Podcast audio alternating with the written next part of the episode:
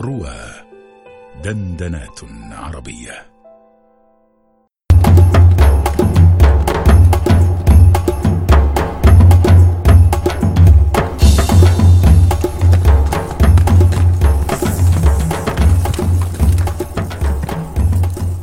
لي عتب عليك. علي أنا؟ ما كان يليق بك أن تنزل عن جوادك لمحادثتهما؟ حين تحادث امرأة يا عزيزي عليك أن تتخلى عن طقوسك كلها.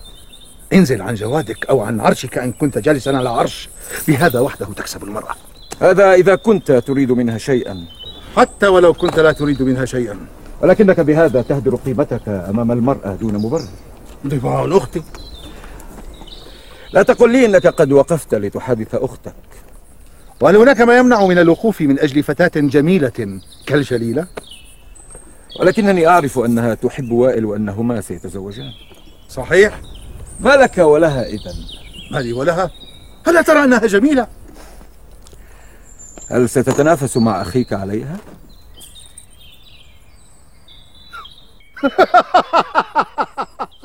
بالطبع لا يمكن أن يخطر لي أمر كهذا. أفهمني إذا ليس في الأمر ما يصعب على الفهم. فتاة جميلة وكفى. الوقوف مع فتاة جميلة مسألة مريحة حتى لو لم تكن تأمل منها شيئا؟ حتى أختك. حتى أختك تفضل أن تكون جميلة بدل أن تكون دميمة وقبيحة. أما كان من الممكن أن تعشق الجليلة؟ الجليلة؟ لا هذه امرأة جميلة ومهيبة إلى درجة تخاف معها أن تحبها. إنها امرأة لا تنال أو يجب أن لا تنال.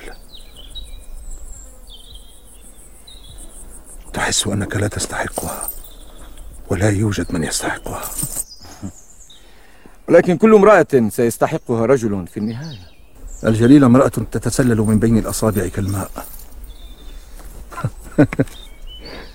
هذه المرأة تحتاج إلى رجل له أصابع البط حتى لا يتسلل منها شيء. هذه المرأة يجب أن يستحقها رجل لا كالرجال.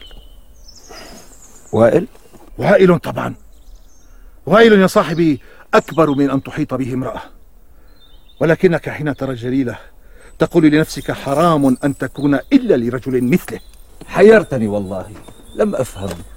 هل أنت تعشق الجليلة أم تعشق وائل؟ أعشق الاثنين الاثنين معا. أعشق أن يكونا معا. تذكرني بشيء من ملاذ الهنود. تصور أن الهندي لا يعرف وجه زوجة أخيه يقدسها كالأم تماما. ولكنه بعد موت أخيه قد يتزوجها كي لا تحرق نفسها مع الأخ المتوفي. دعك من هذا الكلام الآن وهيا بنا إلى السباق. لم تستطع أن تسبق الحارث بن عواد فتريد أن تسبقني.